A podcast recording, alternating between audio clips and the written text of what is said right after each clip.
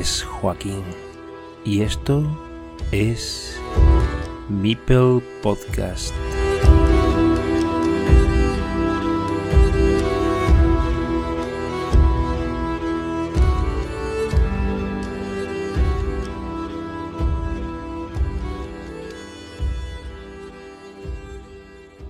Bienvenidos una vez más a Mipel Podcast. Por este espacio han pasado los campeones de, últimos de, España, de Carcassonne. En este caso hemos tenido a Oscar al principio de, este, este, comienzo de, Mipel Podcast. Hemos tenido a Oscar Oscaridi, campeón no presencial, campeón eh, online del año 2021. Hemos tenido también a Jaime y también hemos tenido a Pere Vives, también a Miquel Jornet, de, el, último finalista con Jaime de los presenciales. Y hoy vamos a tener con nosotros nada más y nada menos que a Lorenzo Miguel Soler, Oznerol eh, para los amigos en BGA. ¿Qué tal? Buenas noches, Lorenzo. ¿Qué tal? Buenas noches. ¿Qué tal? ¿Cómo estamos? ¿Todo bien? Todo bien, todo bien. Estupendo. Hoy vamos a hablar de unas pocas de cosas. Entre ellas, por ejemplo, si quieres, como eh, podemos, comenzar por tus comienzos en Carcassonne, cómo conociste el juego y, cómo accediste a todo este mundo.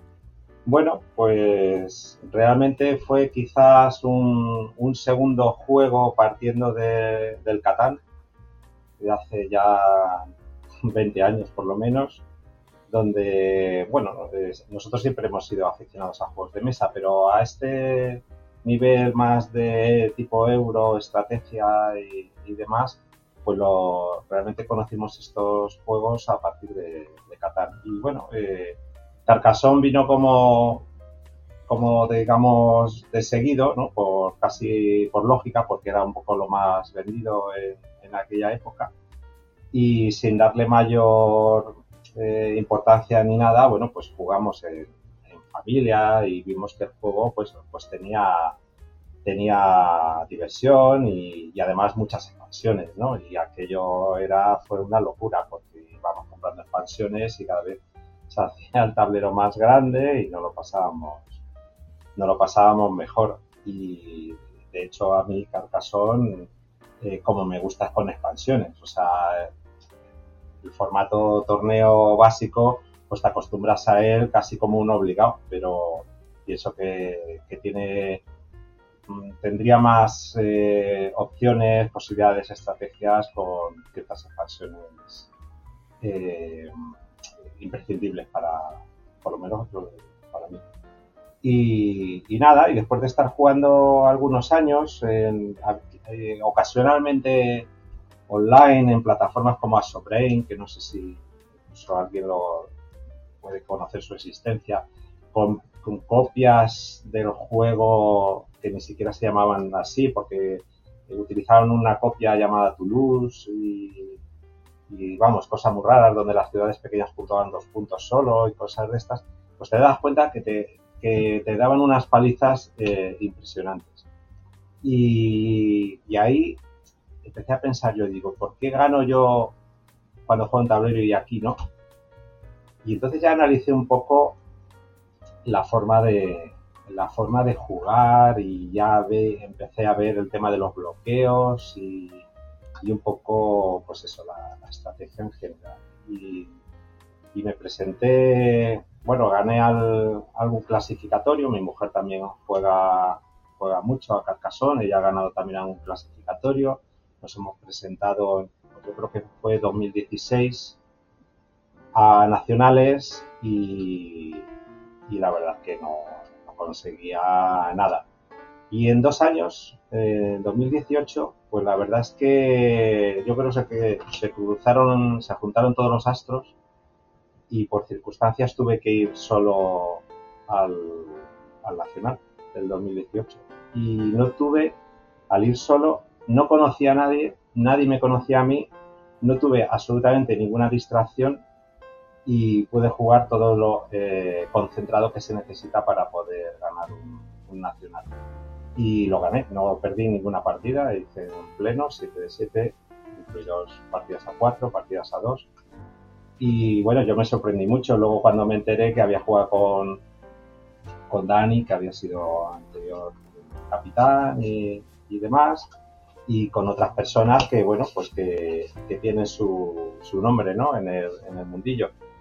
Y, bueno, yo creo que principalmente por eso, porque no me conocía a nadie y nadie estaba pendiente de mi juego, pues jugué con mucha libertad y tranquilidad y, al final salió pues como pensaba yo que había que ganar a, a, a Carcassonne, ¿no? Me salieron todas las partidas pues como yo, como yo esperaba.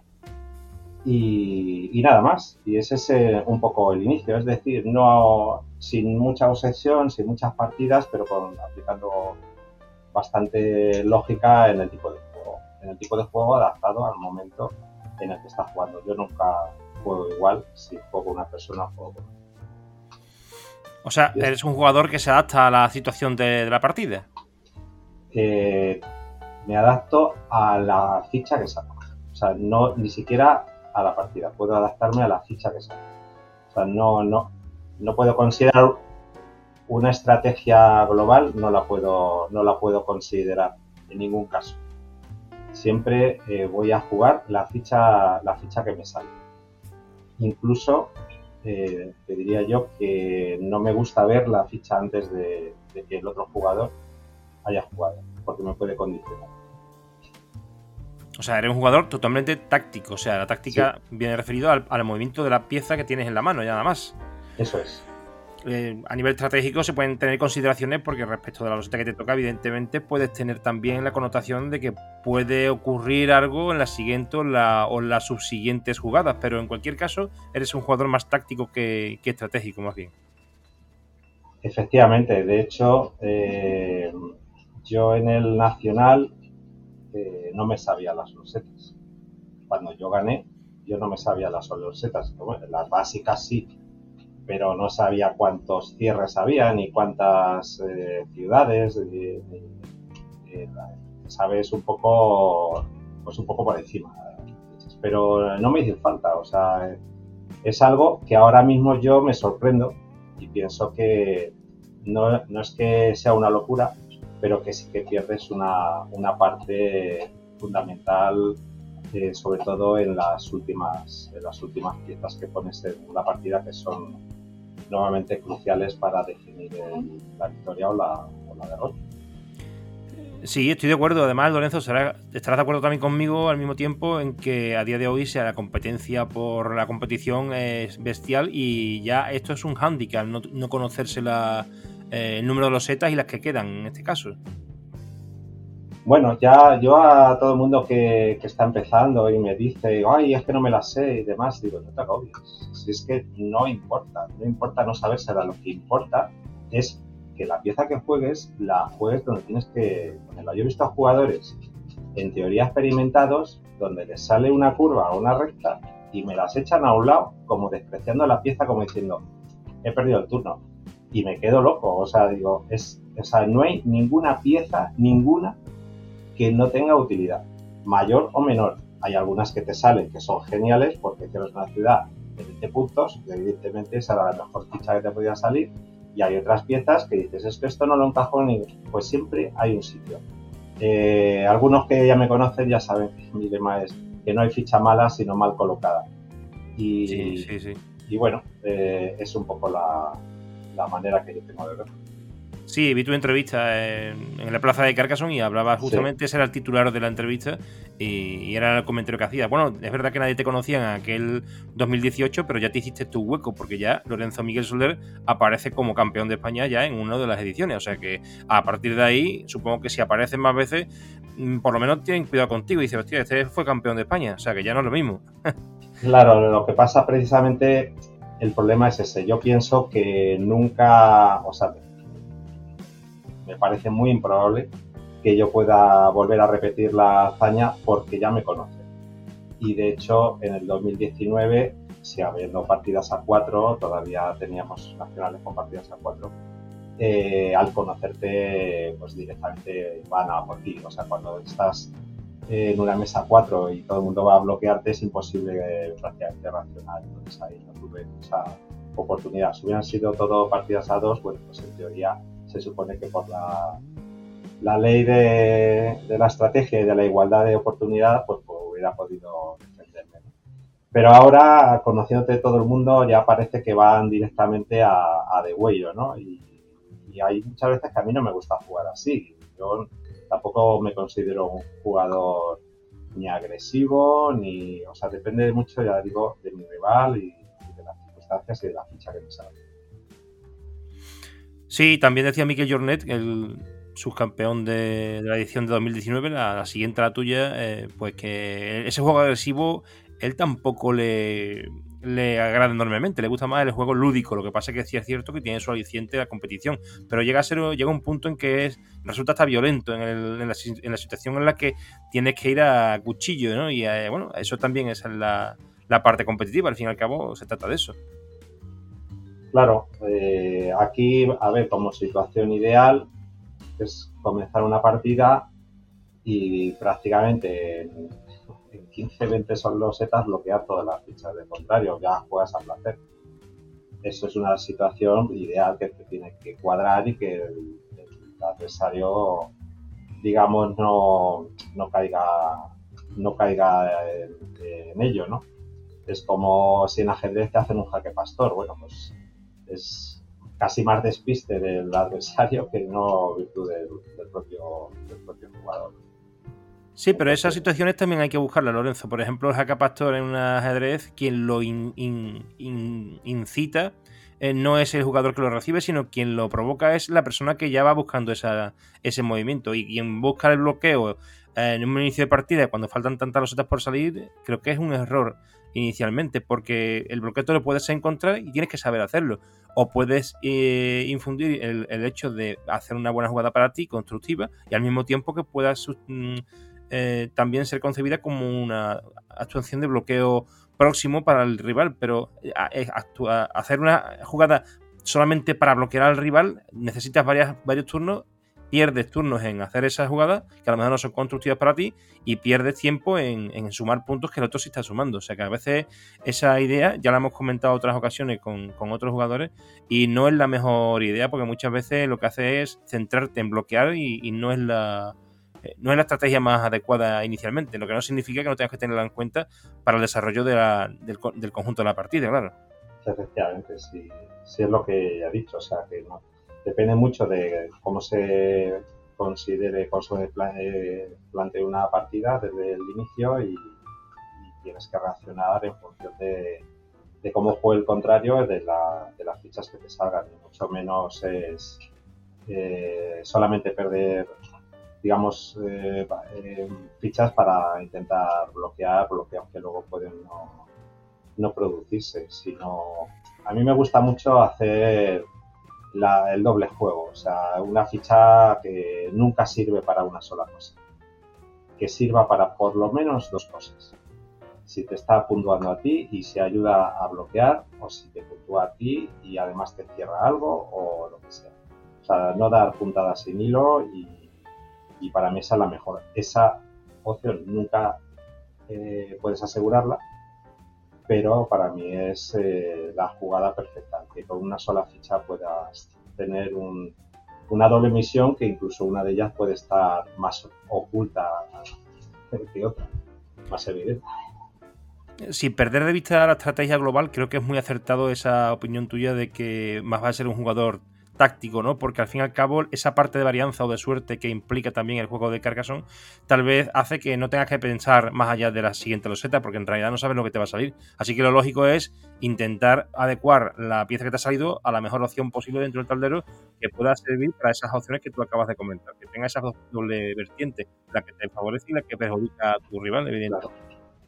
Una de las estrategias claras que que es de las más acertadas, es obligar al contrario a depender de una ficha. Una ficha que puede existir perfectamente, pero no, eh, no te tiene que preocupar en, absoluto que, queden cinco, que queden dos, que quede una o que no quede ninguna. Si no queda ninguna, sabes que está bloqueado, pero si queda varias no pasa nada. La estadística se ha reducido a que le salga esa ficha y, que pueda completar su ciudad o lo que sea, ¿no? Y, tú mientras tanto tienes la ventaja de poder jugar con todas las fichas que te vayan saliendo. Esa para mí es la, una de las mejores estrategias, el limitar las fichas útiles para, el contrato. Sí, condicionar el juego del rival, efectivamente. Eso es, eso es. O simplemente eh, hacer al rival depender de la misma ficha en dos sitios.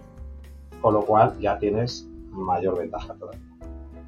Creo, si no me equivoco, que el rival con el que te enfrentaste en esa final, eh, Dani García, catalán, eh, pues ha sido subcampeón, o sea, campeón, perdón, dos veces, ¿no? En, español, si no me equivoco. Sí, sí, sí, creo que sí. Sí, sí, sí. Y bueno, siempre es curioso y llamativo que ya en esas finales hay gente grabando y la suben a YouTube y está disponible ahí esa partida para todo el mundo y para la eternidad. O sea, ya se queda eso ahí eh, grabado para, para siempre. ¿Cómo ves esa, esa circunstancia? Porque es muy curioso que te puedan después ver tú mismo y, y bueno, y tu familia y tus amigos, etcétera. Pues yo la verdad es que lo veo lo veo también curioso porque yo mismo alguna vez me he vuelto a, poner la partida y pienso que ya no la jugaría igual.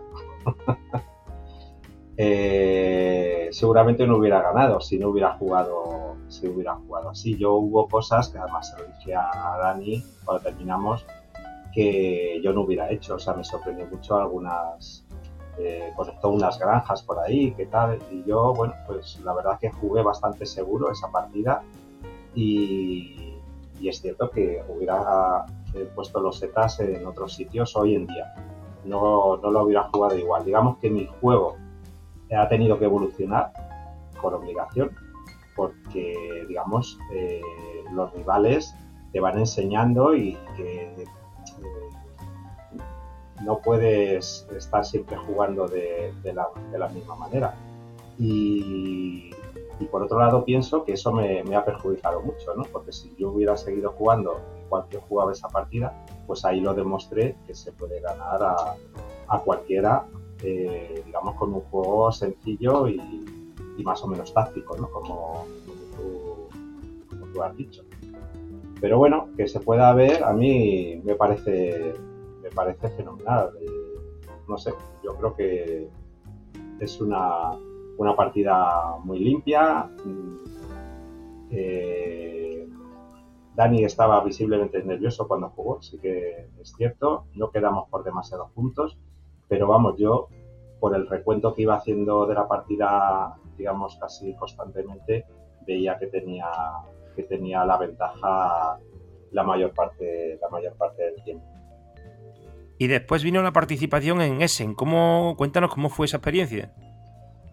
Pues Essen tiene varias partes. Essen en sí, la feria de, los juegos de mesa es eh, lo mejor que te puedes encontrar si, si, tienes 100 juegos de mesa en casa y, se nota que te gusta, ¿no?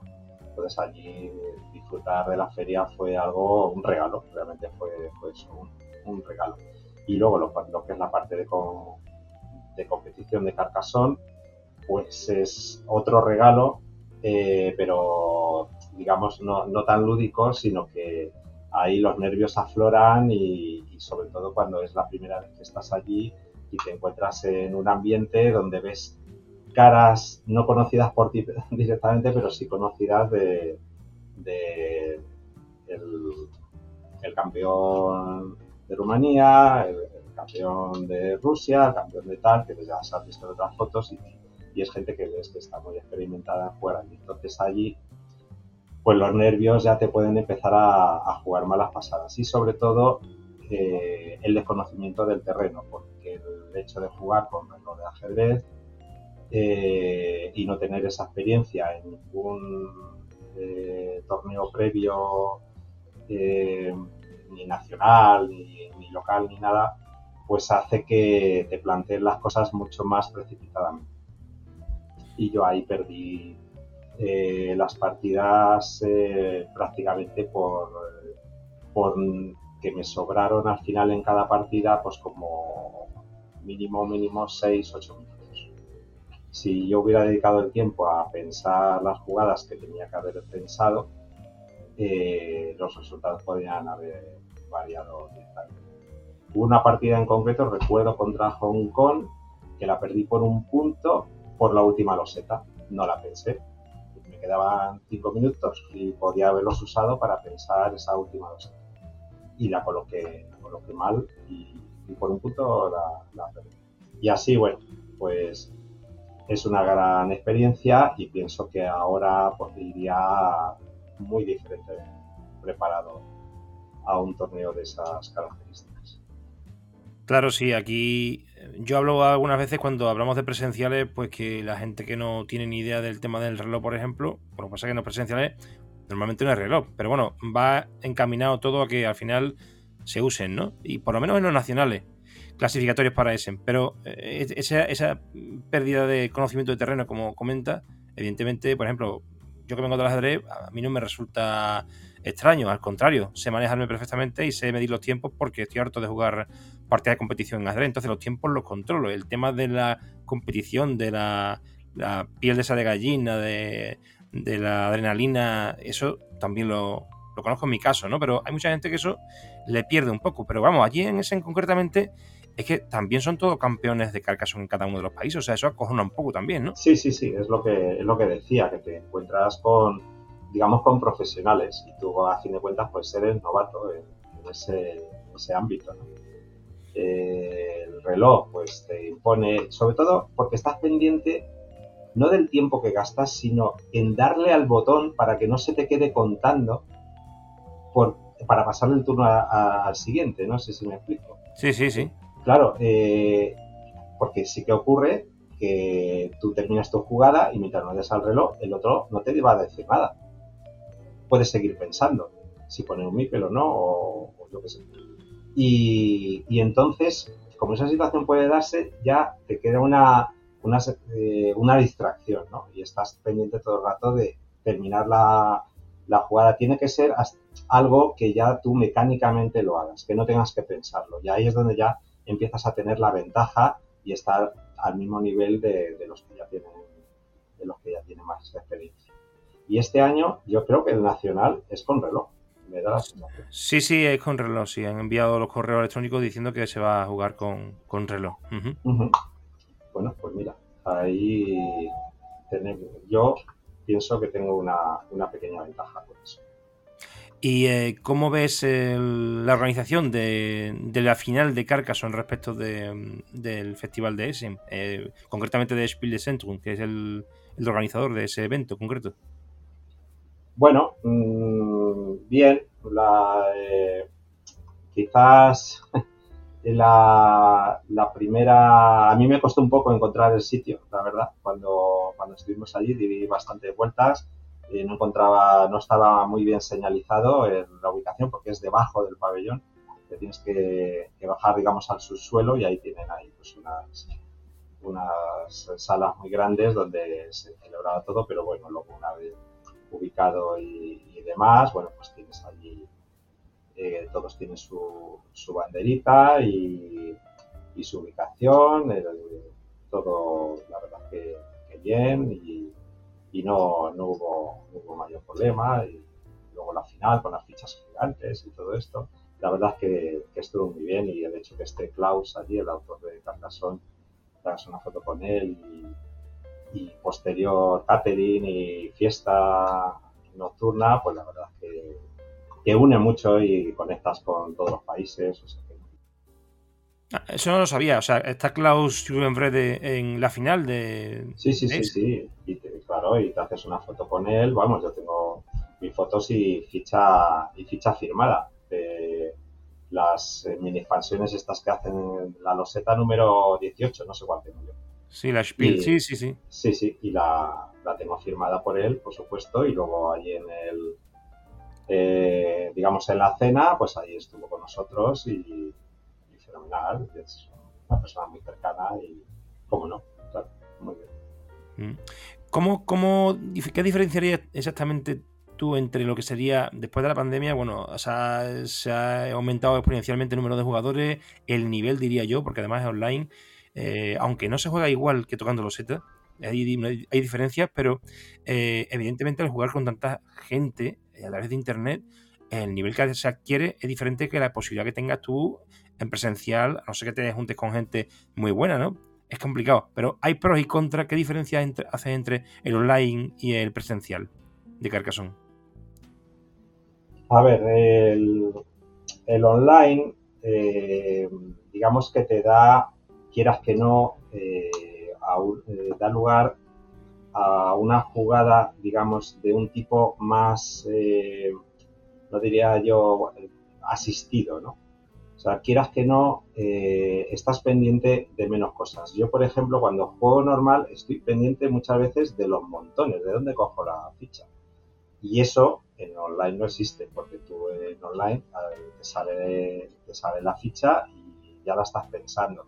Te sale hasta la ayuda de donde puedes colocarlas. Eh, puedes incluso usar por ahí un bot que te diga las fichas que quedan. Puedes hacer lo que quieras. Pero luego al final todas esas cosas, cuando te presentas en, presencial, pues las pierdes y digamos la, la memoria mecánica que tú puedas tener a la hora de hacer una partida te puede eh, entorpecer, porque estás de alguna manera esperando, pues eso, una mini ayuda visual que no vas a, recibir o ves que eh, la granja incluso te puede costar más verla o menos verla. Entonces veo que hay una, una mayor eh, diferencia. Luego, el nivel que te puedes encontrar en, los jugadores que puedas jugar online pues es muy variopinto, evidentemente. Y, ya vas conociendo a personas que sin haber jugado, eh, nunca haberlas visto en ningún torneo, ni nacional, ni mundial, ni nada, sabes que si se presentasen podían ser campeones del mundo. Pero sin embargo, juegas con ellos, sabes que te van a ganar y, lo bueno es que eh, puedes aprender de ellos. Esa es la ventaja de, del online más puedes conectar, ya te vas conociendo y puedes ver estrategias y, otras cosas. Y a nivel eh, físico, bueno, pues yo ya digo que lo juego muy ocasionalmente y, a lo mejor juego con, David, que es aquí también de Rivas, que algún día viene a casa y, y tal. Y venga, pues un carcasón rápido y lo jugamos así, pero siempre es de aquella manera. O sea, rápido. Que si gana cualquiera de los dos no pasa nada. Tampoco le has puesto mayor interés. Donde se ve es eh, en un torneo ahí donde te ves la cara. Eh, estoy pensando ahora lo que acabas de decir y, digo, joder, tienes razón. Porque eh, cuando en un presencial no tienes esa asistencia que te da el online, tienes más distracciones. La gente está alrededor, el ruido, las losetas que tienes que coger o amontonadas, el no tener ese sombreado que te aparece en el, eh, sobre los sitios o los lugares donde te puedes posicionar la loseta que te acaba de tocar. O sea, tienes que estar más concentrado. O sea, tienes más distracciones, pero te obligas a estar más concentrado con lo que se supone, supongo, que en teoría deberías de jugar mejor. En cambio, es curioso porque el online que te asiste más, te relaja más y en realidad no, creo que le pase a todo el mundo, pero puede ser que esté menos atento. O sea, al final puede ser que la concentración que se requiere en el visualmente y físicamente en el presencial sea mayor y quizás juegues uno más relajado por incluso ser en casa, delante del ordenador o en el móvil tan tranquilo que pierdes la, atención en, todo momento de la globalidad de la, de la partida o, de la, o del mapa, no sé. Sí, yo creo que, que el acostumbrarse a, jugar en el, online eh, y además en cualquier momento, sin venir a casi a cuento ni nada, yo creo que, perjudica que perjudica como estrategia global de cara a un, presencial. Yo el, año que, que, gané creo que perdí dos kilos ese día, porque el nivel de concentración que, que necesitaba era, era altísimo. Y la última partida contra Dani estaba destrozado. O sea, eh, después de seis partidas, todas ganadas, eh, nos dejaron tiempo para, para empezar la partida. Cuando quisiéramos no había, digamos, de prisa. Y yo me fui. Yo me fui, me di una vuelta y bebí mucha agua y ya, pues no sé, 20 minutos, media hora, pues ya volví y digo, venga, empezamos. Pero eh, con un desgaste físico-mental muy, muy, muy alto. Esto en, en un online pienso que es casi imposible de, llegar a, ese nivel exigencia. Sí, online supongo yo que el tema de tener la pantalla delante, comerte la, la, vista ahí, no sé, es diferente, ¿no? Y además, sentado todo el tiempo te puedes levantar, es diferente, yo creo que sí, que cambia mucho la cosa. Yo, por ejemplo, a nivel personal, creo que en estoy curtido en el desgaste ese mental, porque por participar en torneos de un día que empiezan de las 10 de la mañana y terminan a, a las 7 o las 8 de la tarde, eso es bestial, y el tema del reloj, pero por ejemplo en experiencia y en conocimiento, pues ahí estoy bajito, no he participado mucho, digamos, y el único presencial que tengo eh, eh, por así decirlo, como de bagaje, pues tengo dos, pero el segundo casi ni lo, cuento. Pero el primero eh, tuve que jugar siete partidas para clasificarme. Y la verdad que no creo que haya ningún presencial para en el que haya que ganar siete partidas para clasificarse. Pero bueno, es una curiosidad. Y creo que, es interesante estos comentarios porque la mayoría de la gente no sabe exactamente cómo, cómo funcionan los, nacionales y es muy útil esta conversación que te nos está dando. Pero quería preguntarte también por un torneo que has, eh, que has organizado tú y, cuéntanos desde el punto de vista ya, no como jugador, sino como organizador, cómo se debe de organizar un torneo de Carcassonne desde tu punto de vista y según tu experiencia y cómo lo has hecho tú en este caso. Bueno, pues eh, el torneo de Carcassonne que, he celebrado yo ha sido, digamos, un poco por, por demanda del público en general, porque es el, formato más eh, cercano a lo que sería una experiencia en un mundial. Eh, salvando, digamos, el número de, contrincantes, de, personas inscritas eh, en el torneo, que nunca llegó a las 30 y pico 40 que se pueden juntar en un, en un mundial, pues digamos proporcionalmente todo lo demás es exactamente igual jugamos eh, con reloj, eh, hacemos eh, unas primeras rondas clasificatorias en función del número de jugadores, serán tres, cuatro, y luego, según el igual el número de jugadores, pues se clasificaron o se clasificarán cuatro u ocho, donde se harán, pues eso, semifinales, finales, y, y todo bajo un estricto sistema suizo como mandan las normas de los mundiales de, de Entonces, eh, siendo, digamos, eh, eh, una Carcassonne Experience por excelencia, pienso que todos los torneos pues deberían asemejarse, digamos, para que los los ganadores, los futuros contrincantes, digamos, estén acostumbrados a ese formato y tener mayores oportunidades en una posible competición en Alemania.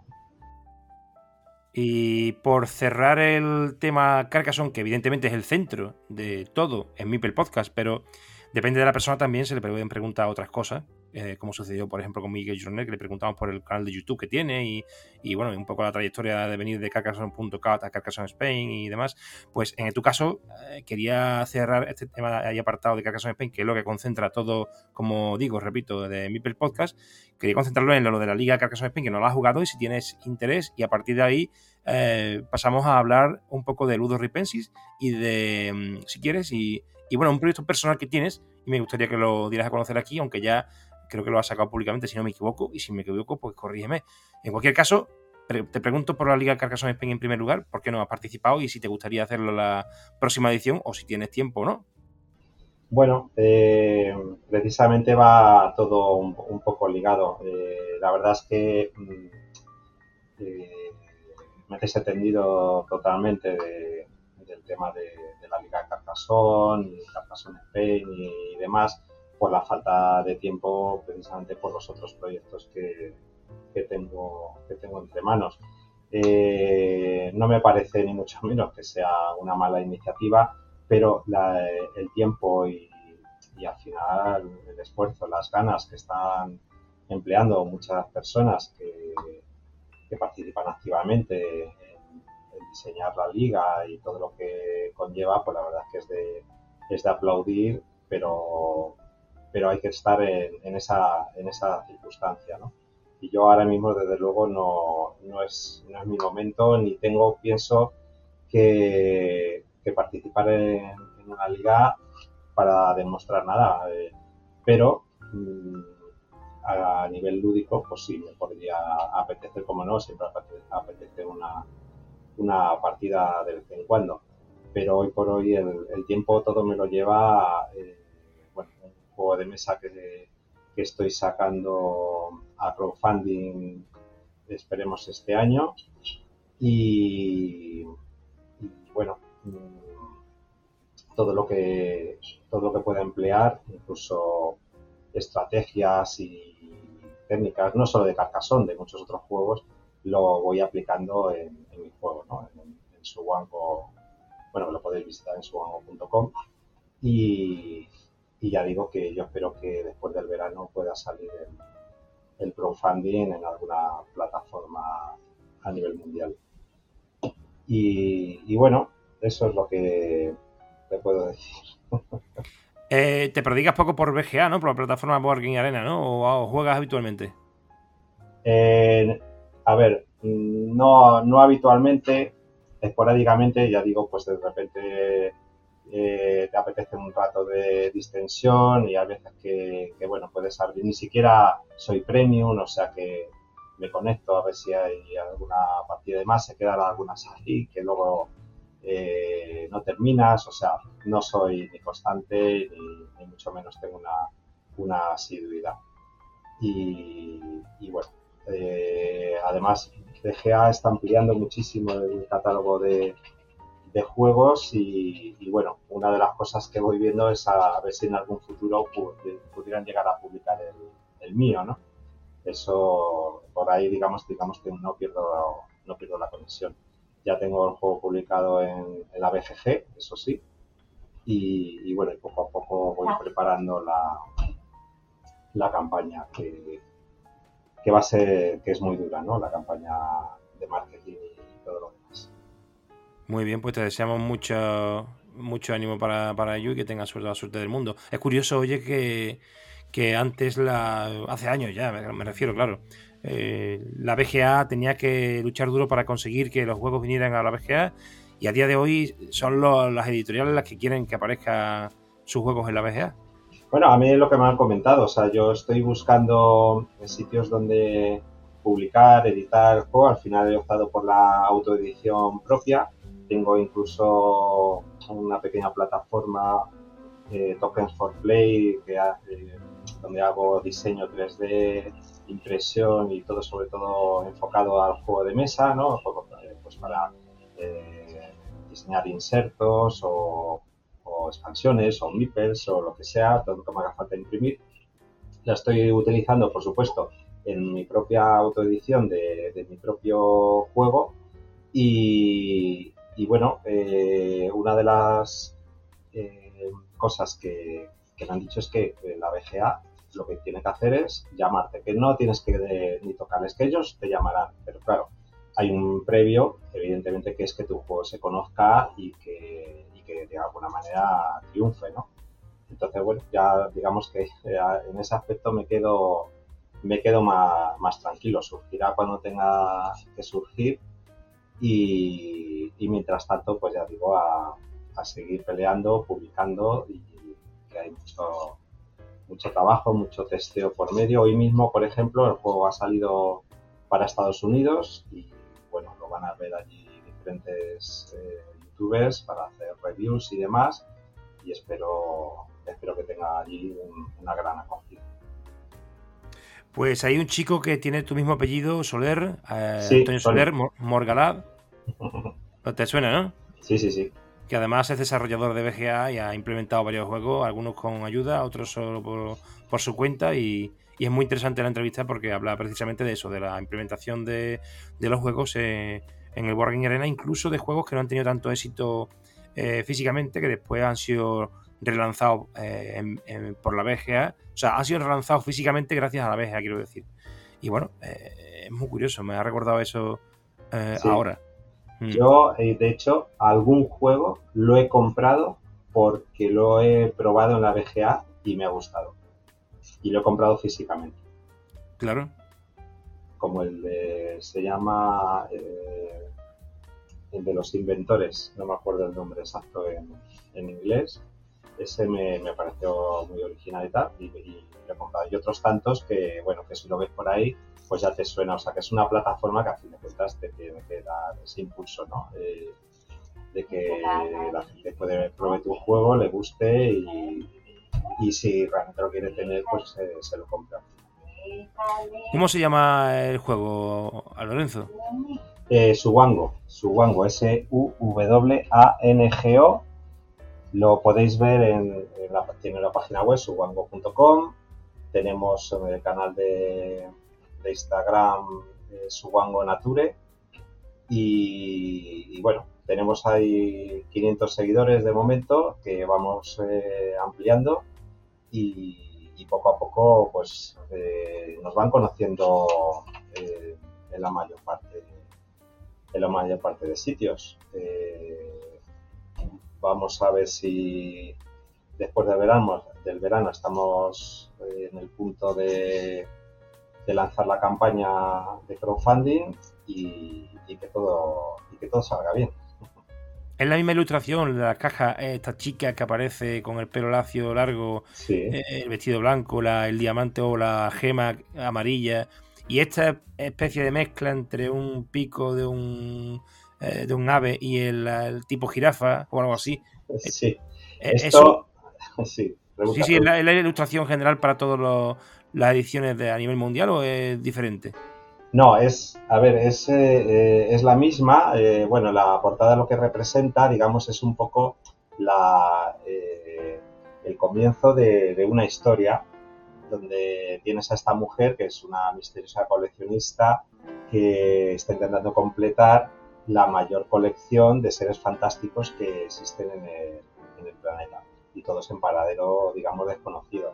esos seres fantásticos, que son esas criaturas, como tú dices, pues tienes ahí en la portada un ejemplo muy claro que es un pez, hay una, pecera pero tiene patas y, hay una jirafa con pico como de loro y bueno, y otros seres. Eh, de hecho, tenemos eh, diseñados eh, pues unos 30, unos 30 seres diferentes, unas 30 criaturas y la idea es llegar hasta 80 digamos que es el número de los setas que tiene el juego. Igual que el Carcassonne tiene los setas cuadradas, nuestro juego tiene los setas octogonales y en cada roseta va representada una criatura con un número. El número y el color, digamos que es lo que te da, digamos, la, la, técnica del juego. O sea, que sí es un juego abstracto, pero está totalmente tematizado e, e ilustrado la idea es hacer expansiones de este juego, entonces. Sí, la idea es, efectivamente, es, eh,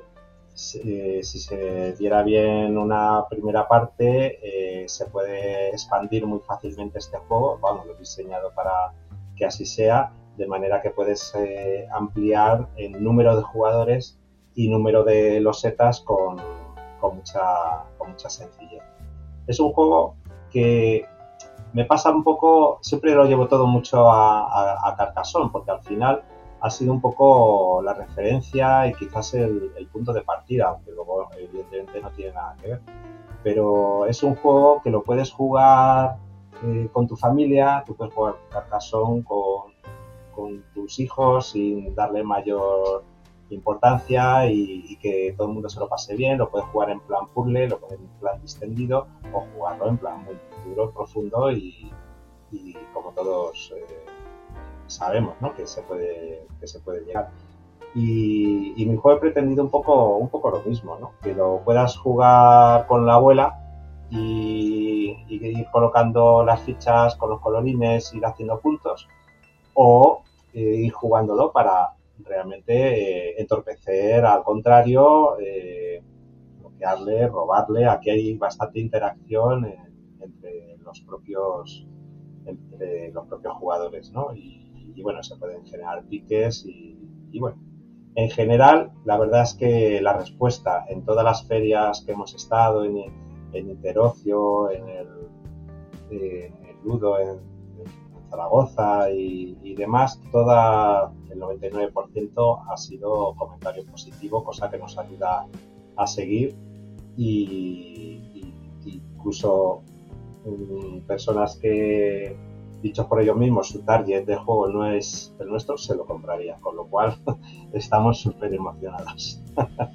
Me alegro mucho. Eh, quería eh, recordaros que eh, es Subango, con, vez de con B o con V, sería con W, Subango, y en el caso de, la página web, pues subango.com. Y bueno, lo pondremos también en el post del, podcast para que en ese episodio, cuando la gente quiera ver un poco el resumen de lo que se ha dicho, que suele ser muy básico, pero después viene debajo los enlaces de Carcassonne Spain y muchas otras cosas, pues entre otras concretamente pues pondremos en primer lugar en, el caso de tu episodio pues la página web por si alguien tiene interés.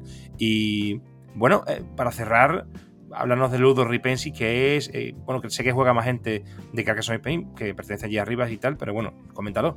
Bueno eh, Ludo Ripensi es una asociación que se abrió hace ya pues, van pasando los, añitos pues todo juntándonos por gente interesada en juegos de mesa aquí en, en ¿no? Donde, de donde somos la mayoría, aunque una muy, muy, muy buena parte eh, son de fuera, de alrededores, o bueno, por lo menos de Madrid, pero eh, que poco a poco incluso se han ido mudando arriba. No digo por los juegos de mesa ni por la asociación, por las circunstancias que sea, pero que, que al final nos vamos, nos vamos conociendo todos aquí. Aquí en Rivas, eh, la verdad es que el ayuntamiento pues dota de bastantes infraestructuras para todo eh, el tema de juveniles y de ocio y demás. Y, una de las, eh, digamos, de los requisitos, de las ventajas que obtienes en vez de como grupo independiente, es como asociación, por eso la, la, formamos, es el poder disponer de diferentes espacios públicos. Tenemos la Casa de las Asociaciones, que su propio nombre indica, donde van todas las asociaciones a, disfrutar de su espacio para ejercer la actividad que sea.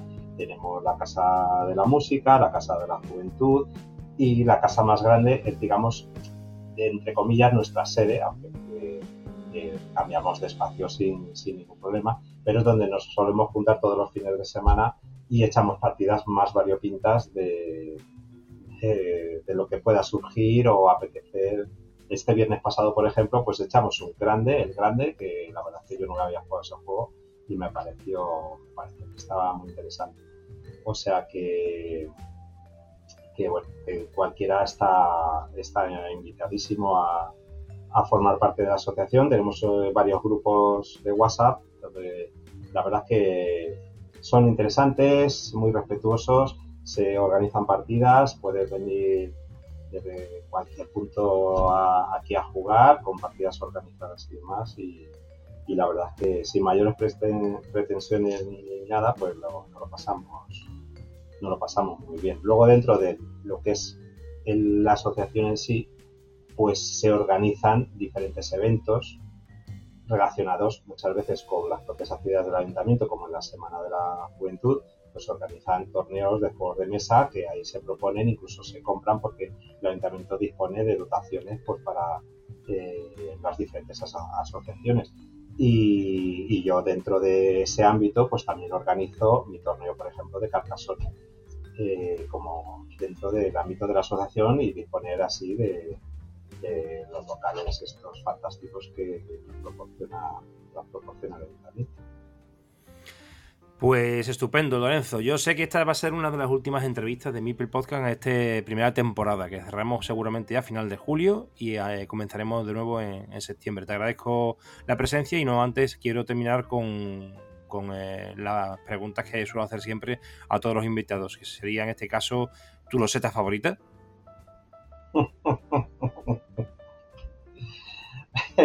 Esa es muy buena pregunta. Eh, difíciles porque como juego todas las losetas de forma diferente y según cómo me salgan, mi loseta favorita eh,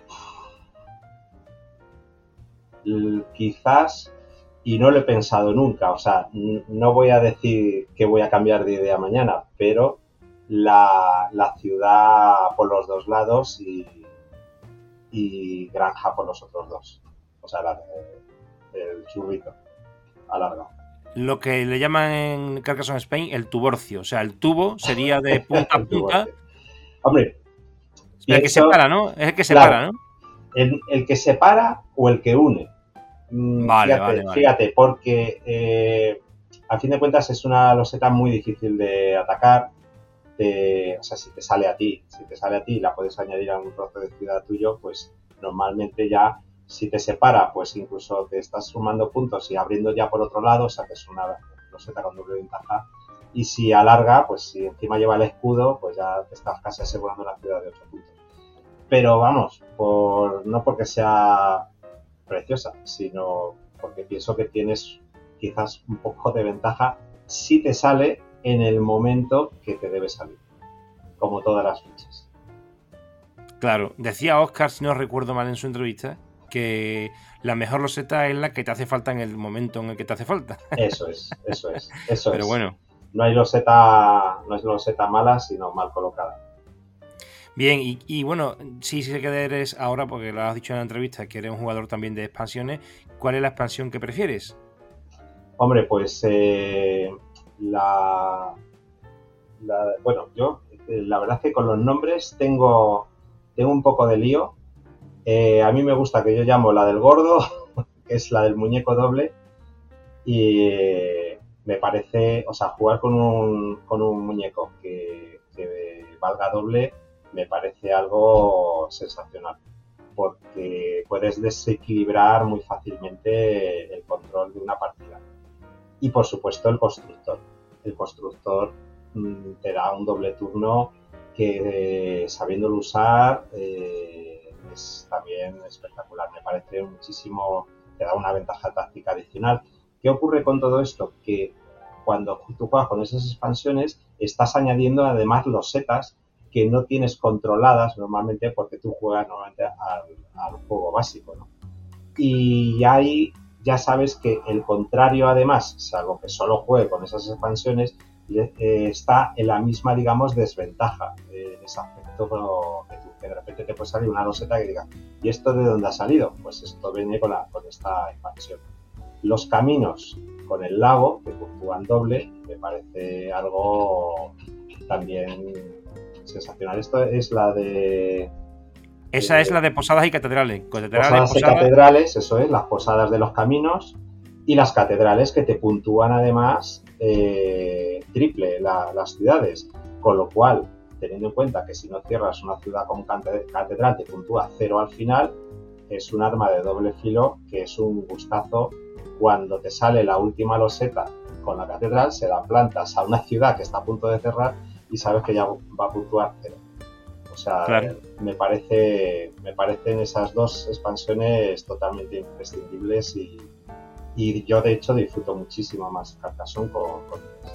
Esto lo convierte más en un juego estratégico que táctico, porque con las 72 losetas eh, y sabiéndotelas eh, a cada momento que sale una, evidentemente, pues tienes que tener en cuenta cuál es la mejor posición, con independencia de que pues, tenga también sus elementos estratégicos. Pero cuidado que cambia la cosa cuando se trata de, de las circunstancias de jugar, sobre todo con constructores y comerciantes, porque aquí te pueden cerrar la ciudad, no ser tú el que puntúa, pero llevarte los tokens y sumar puntos después por la por la vianda. Y después también el hecho de que tengas un constructor que sabes que puede cerrar con doble ficha, pues hay que tener también ojo a cómo estás construyendo la ciudad o, o cómo te ves de montarle al contrario algún añadido para evitar que tenga dos lados que pueda cerrar de forma consecutiva. O sea que Claro. O cerrar una ciudad del contrario para llevarte los, barril- los barriles y las telas, por ejemplo. a eso me refería antes. Sí, eso, efe- efectivamente, sí, sí, sí. Sí, sí. Bien, bueno, pues Posadas y Catedrales y, y Constructor y Comerciante, como, como no, las, las primeras expansiones del Big Box o Carcassonne Plus, como se le Sí. quiere llamar, que son las más demandadas en el ámbito de, la- de las expansiones de Carcassonne. Sí, además yo creo que le dan un tamaño muy... porque las 72 losetas, si juegan cuatro jugadores, se quedan muy cortas y yo creo que, que le dan el tamaño perfecto para disfrutar una tarde así con amigos a Carcassonne y disfrutar achacándoles. La verdad que sí. Eh, ¿Has visitado alguna vez la ciudad de Carcassonne? Por supuesto. Eh, fuimos a Toulouse y, no podíamos dejar de, visitar Carcassonne, allí estaba cerquita, cogimos un tren y, estuvimos allí viendo la ciudad y bueno, pues, poca, digamos, relación pueda tener más allá del nombre y bueno, lo que da el castillo y todo lo demás, pero sí, está la verdad que muy, recomendable. Eh, entonces fue antes de jugar a Carcassonne o después de jugar a Carcassonne? Después, después. O sea, que ya iba buscando Mipels por allí, ¿no? Yo creo que, fíjate, que fue en el mismo año que gané. Yo creo que fue 2018, porque fuimos en, Navidad. Y... Ah, entonces después de Essen también. Fue después, después de Essen, sí. Yo creo que fue el mismo año. Fuimos a, Toulouse en Navidad. O sea, ese año fue bastante completo porque fuimos, estuvimos en Alemania, luego también eh, Francia, en, Toulouse y creo que y en algún otro país más, ¿eh? o sea, en el verano, no lo sé.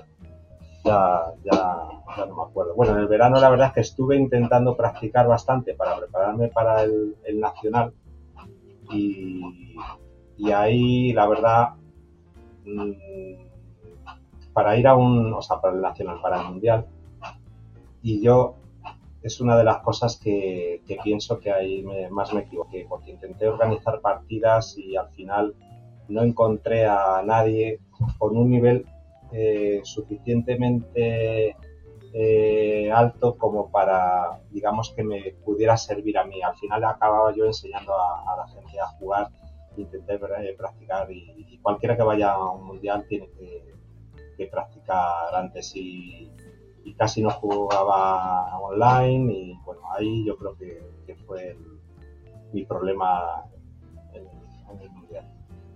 O sea que a cualquiera que quiera ir al mundial le aconsejo que, practique, pero que practique con gente que realmente sepa jugar. Si no, eh, al, revés, te, te penaliza.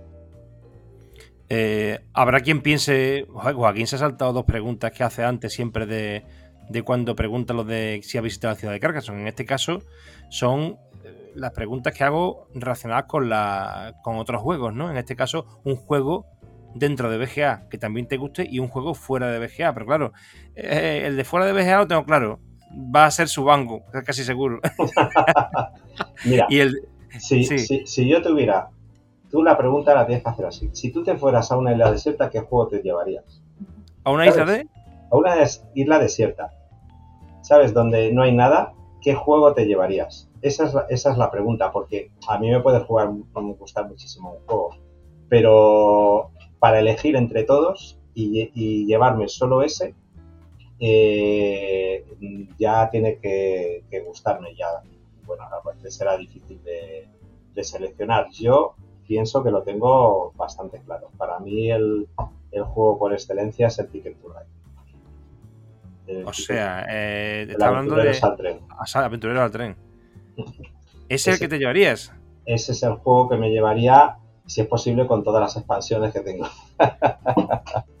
con todos los mapas. El Ticket to Ride para a mí me parece el, de hecho he jugado algún, algunos pequeños torneos donde también suelo ganar y, no tiene, digamos, la repercusión a nivel, por lo menos que yo conozca, a, nivel de mundiales ni, nacionales que pueda tener Carcassonne, que bueno, se ha hecho esta, digamos, esta fama, ¿no?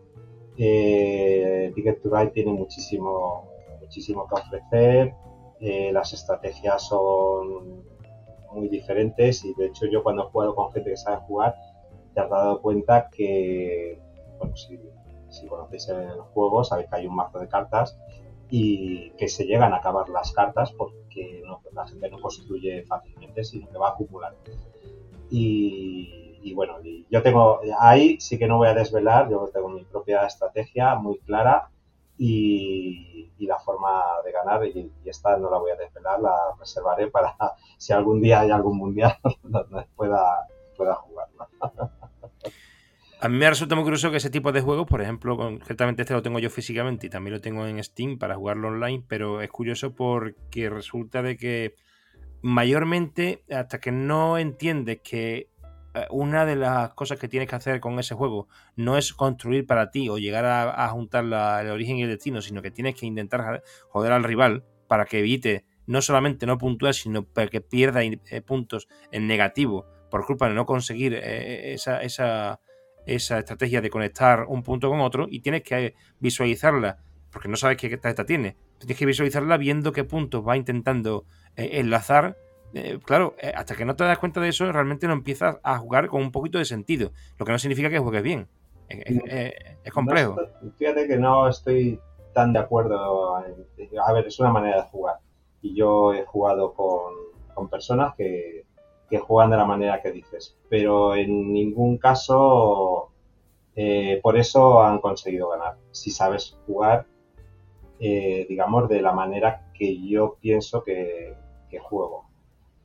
Mm, hay muchas, el tema es que hay muchas estrategias y depende también de mucho del mapa, por supuesto, porque normalmente en este tipo de, en este juego el tipo de mapa que se suele jugar es el de Estados Unidos, que es el, digamos, el básico y, no es lo mismo jugar con el de Europa o, con el de Suiza, cada mapa tiene su, peculiaridad.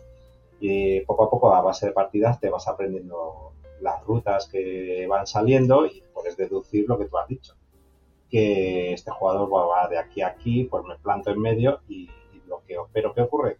Que si tú bloqueas, empleas un turno, empleas cartas, empleas recursos, en hacer algo que tú no vas a, a, puntuar para nada. Es decir, penaliza a ambos.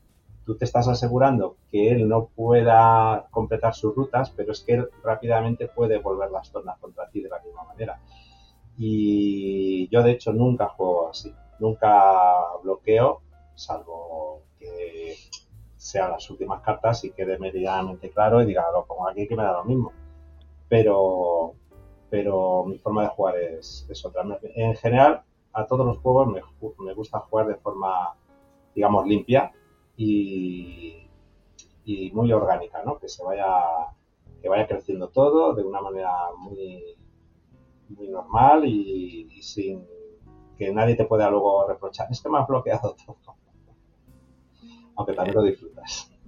Sí, sí, sí. Hombre, la verdad que yo estoy muy verde en este juego, pero también he pensado una vez jugando con mi mujer, digo, joder, ¿y si en vez de estar pendiente de los objetivos, me quedo con el mínimo de cartas posible y me dedico a intentar unir eh, contra más largo sea un, punto a otro, más vagones necesita de un mismo color y es útil porque agotas cuanto antes tus vagones, lo cual le da eh, un ultimátum al contrario y son puntos que además contra más vagones tiene, pues exponencialmente más puntos te da.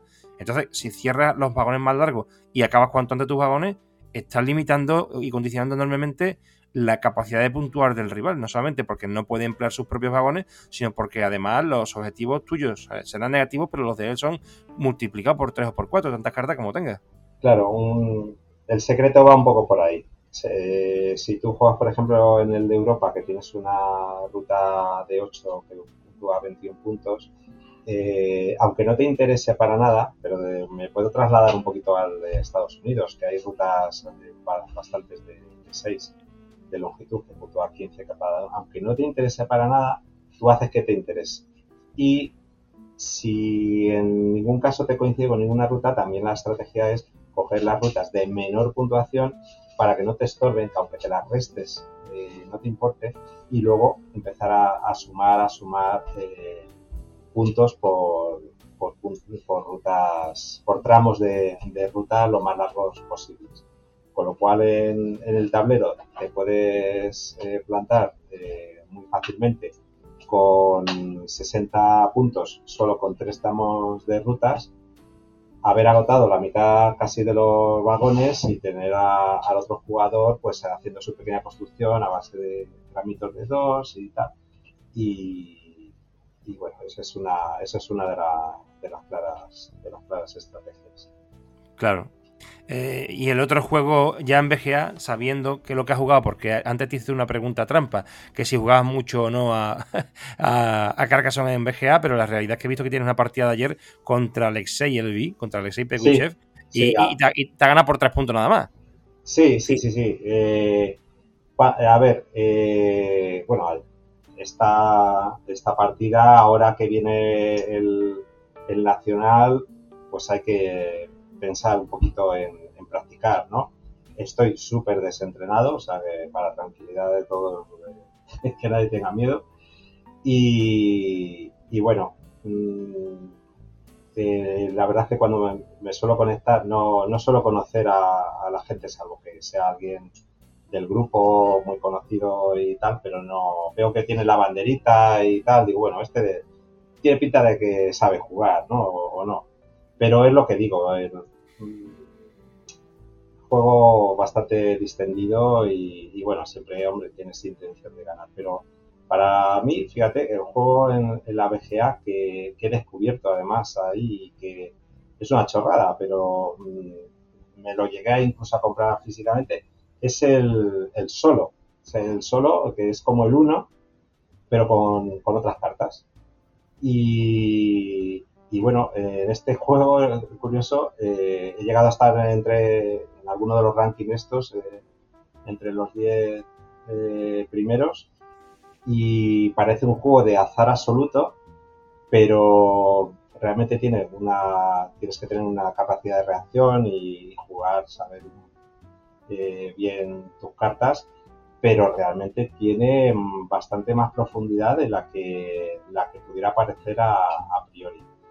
Y no sé si sabéis un poco, ya digo, es como un 1, pero con, unas cuantas cartas adicionales que le dan la vuelta al juego totalmente. Y a mí me encanta para un rato así. Suele ser además, eh, es un juego que hay que muy rápido, entonces dura, dura bastante, bastante poquito. Y, siempre suelo quedar primero o segundo, teniendo en cuenta que son partidas a, a cuatro. Y, digamos que ese puede ser el, el, más, el más preferido. Porque Carcasón y todo lo demás es que muchas veces te da pereza, porque es que si, si no juegas con ganas, te van a ganar. Y si lo quieres jugar con ganas, dices, venga, esta la voy a ganar, tienes que emplear muchísimo esfuerzo. Entonces, mm, el esfuerzo ese, digamos que es que te lo tienes que tomar muy en serio y normalmente cuando eh, vas a jugar así, pues lo haces de, manera más, más distendida. Yo en la partida esa que dices, eh, eh, yo creo que, empecé muy bien y luego ya empecé a aflojar y al final, bueno, esos puntitos eh, se notaba que, en el otro lado había alguien que sabía controlar la partida porque lo tenía yo casi muy bien y, al final cogió la granja y no sé qué y, se llevó esa pequeña ventaja. Calculó muy bien los puntos el, el Alexei. Eh, bueno, muy detallista porque son solo tres puntos, o sea, ha sido por la mínima prácticamente. Sí, pero bueno, al final, a ver, yo no voy a decir que perdí por mala suerte, eso nunca lo digo. Si pierdo es porque he perdido yo. O sea, eh, nunca puedo considerar que una partida la puedo perder por mala suerte, porque si la última ficha que dio el caso era un cierre de ciudad que le ayudó a, ciudad, a cerrar una ciudad que yo estaba esperando cerrar para ayudarme a recuperar un MIPEL de, un monasterio, me hubiera sumado los puntos del monasterio y además los seis puntos de la ciudad.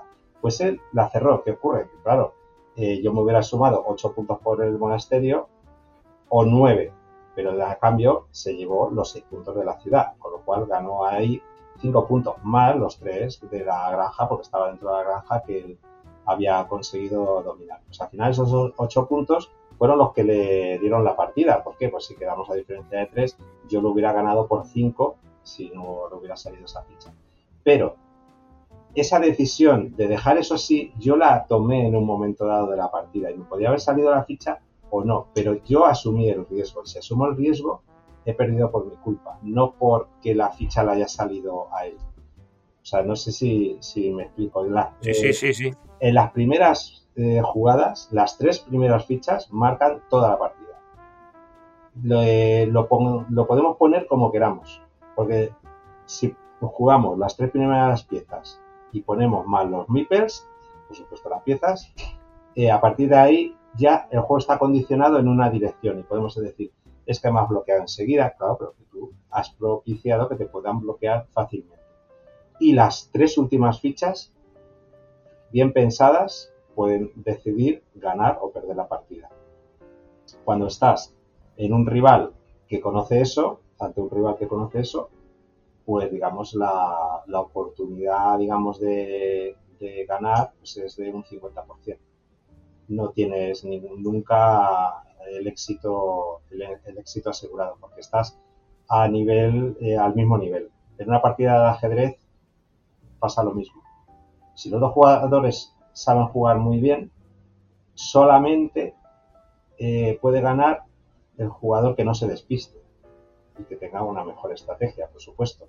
Pero digamos que tienes ese pequeño azar de que el, otro jugador no haya caído en tu, en tu propia estrategia o se haya despistado con, alguna jugada. Eh, si estás en un nivel un poquito inferior uno que otro, pues tienes muchas más posibilidades de, ganar. Ya no son del 50, ya del 70, del 80. Yo, según con el jugador que te plantees, puedes considerar que Carcassonne puede tener un 5% de, de azar o un 50% de azar, dependiendo mucho de, de con quién juegues. Pues pensaba que ibas a decir Catán cuando te decía lo de un, juego, de, de, BGA, porque... El Catán, el Catán fue, ya digo, el primer juego que se tiró en una estantería un año desde que me lo regalaron. Es, mm, pues eso, en una reunión de esta familiar, pues venga, lo estrenamos y, y estuvimos un año entero jugando al Catán, porque no conocíamos otra cosa y estábamos alucinados y viciamos a muchísima gente con el, con el Catán. Mm, apareció Carcassonne y luego apareció el Aventureros al Tren y aparecieron muchísimos juegos más, yo tengo más de 100 juegos y, y la verdad es que el Catán pues está ahí de vez en cuando. Hay amigos que nos lo demandan oye, vamos a echar un Catán. Y bueno, y te echas un, un Catán sin mayor problema, pero entiendo que, se ha quedado un poquito, un poquito desfasado. no, ni mucho menos lo, podría disfrutar ahora tanto como, en los inicios. Ha sido como un trampolín ¿no? que nos ha impulsado a, descubrir otro mundo ¿no? de, de juego de mesa, pero, de hecho, tenía la expansión de, de, los caballeros y demás, y todo esto lo vendí. O sea, me he quedado con el juego básico y no sé si tengo la expansión de, del mar eh, para hacer un tablero así un poquito más grande cuando hay mucha gente y demás, con mapas diferentes y cosas así. Ha sido un poco casi como curiosidad, pero me he ido desprendiendo de, de partes porque sé que es un juego que, no vamos a, a exprimir, a, exprimir tanto como otros. Me ha hecho gracia cuando diste lo de la isla desierta, que qué juego te llevaría, porque la verdad que es una idea interesante. Pues la verdad que es, como se, se ha eh, archirrepetido lo de la, la loseta favorita, lo de la expansión preferida, lo del juego dentro y fuera de la BGA y lo de visitar la ciudad de Carcassonne, creo que voy a utilizar una única pregunta, no sé si alguna más, como pregunta habitual en el Mipel Podcast de la segunda temporada, que va a ser ¿qué juego te llevarías a una isla desierta? Será interesante. Me parece muy bien. ¿A qué juego jugarías todos los días? Esa es la misma pregunta. claro, porque en una isla desierta, ¿qué vas a hacer? Pues lo mismo. Eso es. Efectivamente. Bueno, esto es una, una pregunta by Lorenzo Miguel Soler para Mipel Podcast, segunda temporada. Pues yo me llevaría un ajedrez, pero claro, no puedo dejar atrás el carcasón, pero el ajedrez no lo dejaría en la vida. Así que no sé, que a lo mejor me ha dado una idea de mezclar algún juego con otro. No sé cómo, pero bueno. Sí, sí, sí, sí. El ajedrez es el... Hoy he escuchado en las noticias que además tiene un modo de juego, el anti-chess, que es para jugar justo al revés, ¿no? Intentar perder todas las piezas y, formas diferentes de jugar al ajedrez que yo no conocía. O sea, que todos los juegos tienen su, su variante y su aquel, ¿no? E, eso no lo conocía, pero eso será una variante en plan un poco churro, no, no, de una, con una novedad. No, además se juega con el, con el, tablero girado, o sea, eh, el, cuadrado blanco no se pone a la derecha, sino se pone el negro. Y la cuestión es eh, perder todas las piezas. Bueno, no sé exactamente en qué consiste, pero bueno, ha, salido hoy por no sé qué eh, en las noticias y sí es una modalidad de juego. No es de, competición, pero bueno, ahí, ahí parece que está. Pues es curioso porque también, coño, me das ideas, porque mira, he visto una foto del Cholo Simeone con su hijo en la playa jugando a una partida de ajedrez y resulta de que la ponen ahí para el marketing o yo qué sé y salen jugadores de ajedrez diciendo mm, para lo que vale una foto de este tipo. Que es que, claro, resulta que las piezas negras eh, pues no tienen rey. Y, entre otras cosas, el, cuadro blanco a la derecha no existe, está en negro. Y ahora que lo estoy pensando, puede ser que eh, salga todo el mundo que conoce el ajedrez a comentar este tema y puede ser que, que resulte, porque me, extrañaría que el Cholo Simeone no sepa jugar al ajedrez. La curiosidad es que si tienen un ajedrez delante sepa jugar, pero claro, puede ser que estén utilizando esta variante que estás comentando. Y Sí, eso es, eso es lo que he escuchado yo hoy, que estaban diciendo que podría estar jugando a este tipo de modalidad o que no tuviera exactamente pero bueno, eh, también luego hay modelos de ajedrez de velocidad, ¿no? Con, sí, eso sí. Y demás, y bueno, mucho... mucho bueno, ajedrez random, que no tiene la misma apertura, no tiene la posición de las piezas, no es la misma en, el inicio, entonces pues revientas las aperturas que normalmente un jugador tiene, tiene ya estudiadas. Eso, efectivamente, efectivamente. Yo he jugado al ajedrez con jugadores que por nivel o por desconocimiento o porque juegan así, empiezan a jugar de una manera muy caótica y ganarme totalmente, o sea, destrozarte toda la estrategia y decir, madre mía de mi vida, o sea, esto eh, me lo tengo que replantear. Pues es un poco lo que, digamos, he hecho, he aplicado a otros juegos de mesa, a Carcassonne, a Ticket to Ride y demás, o sea, cambiar eh, el prisma, eh, la forma de, de enfocar el juego. Muchas veces vamos demasiado lineales hay que pensar las cosas desde fuera, verlo todo desde un prisma totalmente abierto, sin, respetando las normas porque lo tienes que hacer, pero, pero muy al límite. y yo esto, claro, muchas veces te sale una loseta que tiene un, camino, y qué hago por el camino, y dónde lo pongo, y, empiezas a darle vueltas por todos lados. Y, y es tan sencillo como mirar la ficha y darte cuenta que tiene dos lados verdes. O sea, y es que eso muchas veces no te das cuenta, porque estás obsesionado con tu camino, que te lo tienes que poner para bloquear no sé qué, y resulta, digo, ostras, si es que le puedo conectar aquí en una granja que no sé qué. O sea, eh, ejemplos como, como este, muchas veces nos, nos cegamos en, en ver lo, visible, eh, pero no lo, lo evidente, ¿no? O sea, pues sí, pues eh, creo que hasta aquí, Lorenzo. Te agradezco muchísimo tu presencia en, este espacio, en Mipel Podcast, y espero que nos veamos pronto en el Nacional. Sí, señor, allí, ahí estaremos. ¿Vas a estar tú también? Sí, y además iremos al Fiesta Son, este que se han sacado de la manga desde la organización de Carcassonne Spain. No sé si has escuchado hablar de él, pero bueno, si tienes tiempo de apuntarte. Pues no tengo ni idea. Eh, sí. Es en el restaurante de, de, Eiffel, en el barrio de Aluche, cerca del. Ah, sí, sí, sé dónde es, que a Miguel. Eh, Miguel es el. Sí, pues tienes que apuntar en un formulario que hay para, la fiesta, porque bueno, tendrá una limitación y vamos a echar la tarde ahí a conocernos, a echar un rato divertido, que va a ser muy diferente eh, del escenario que se va a encontrar la gente después en el Nacional, porque va a ser más serio y más competitivo, evidentemente, y cada uno a lo suyo. Entonces, pues es una diversión, el previo a al Nacional. Creo que va a ser muy interesante. Así que ánimo, a ver si te quiere apuntar y, bueno, muchísimas gracias, te repito, por, asistir a, a mi podcast y, nada, pues nos quedamos con todas las cosas que nos has dicho, que son muchas y muy interesante todo. Muchas gracias. muy bien, me alegro de haber hablado contigo y a ver si nos vemos en persona entonces. Pues a todos los oyentes, como siempre, nos vemos en el siguiente episodio. Un saludo a todos y un abrazo carcasonero.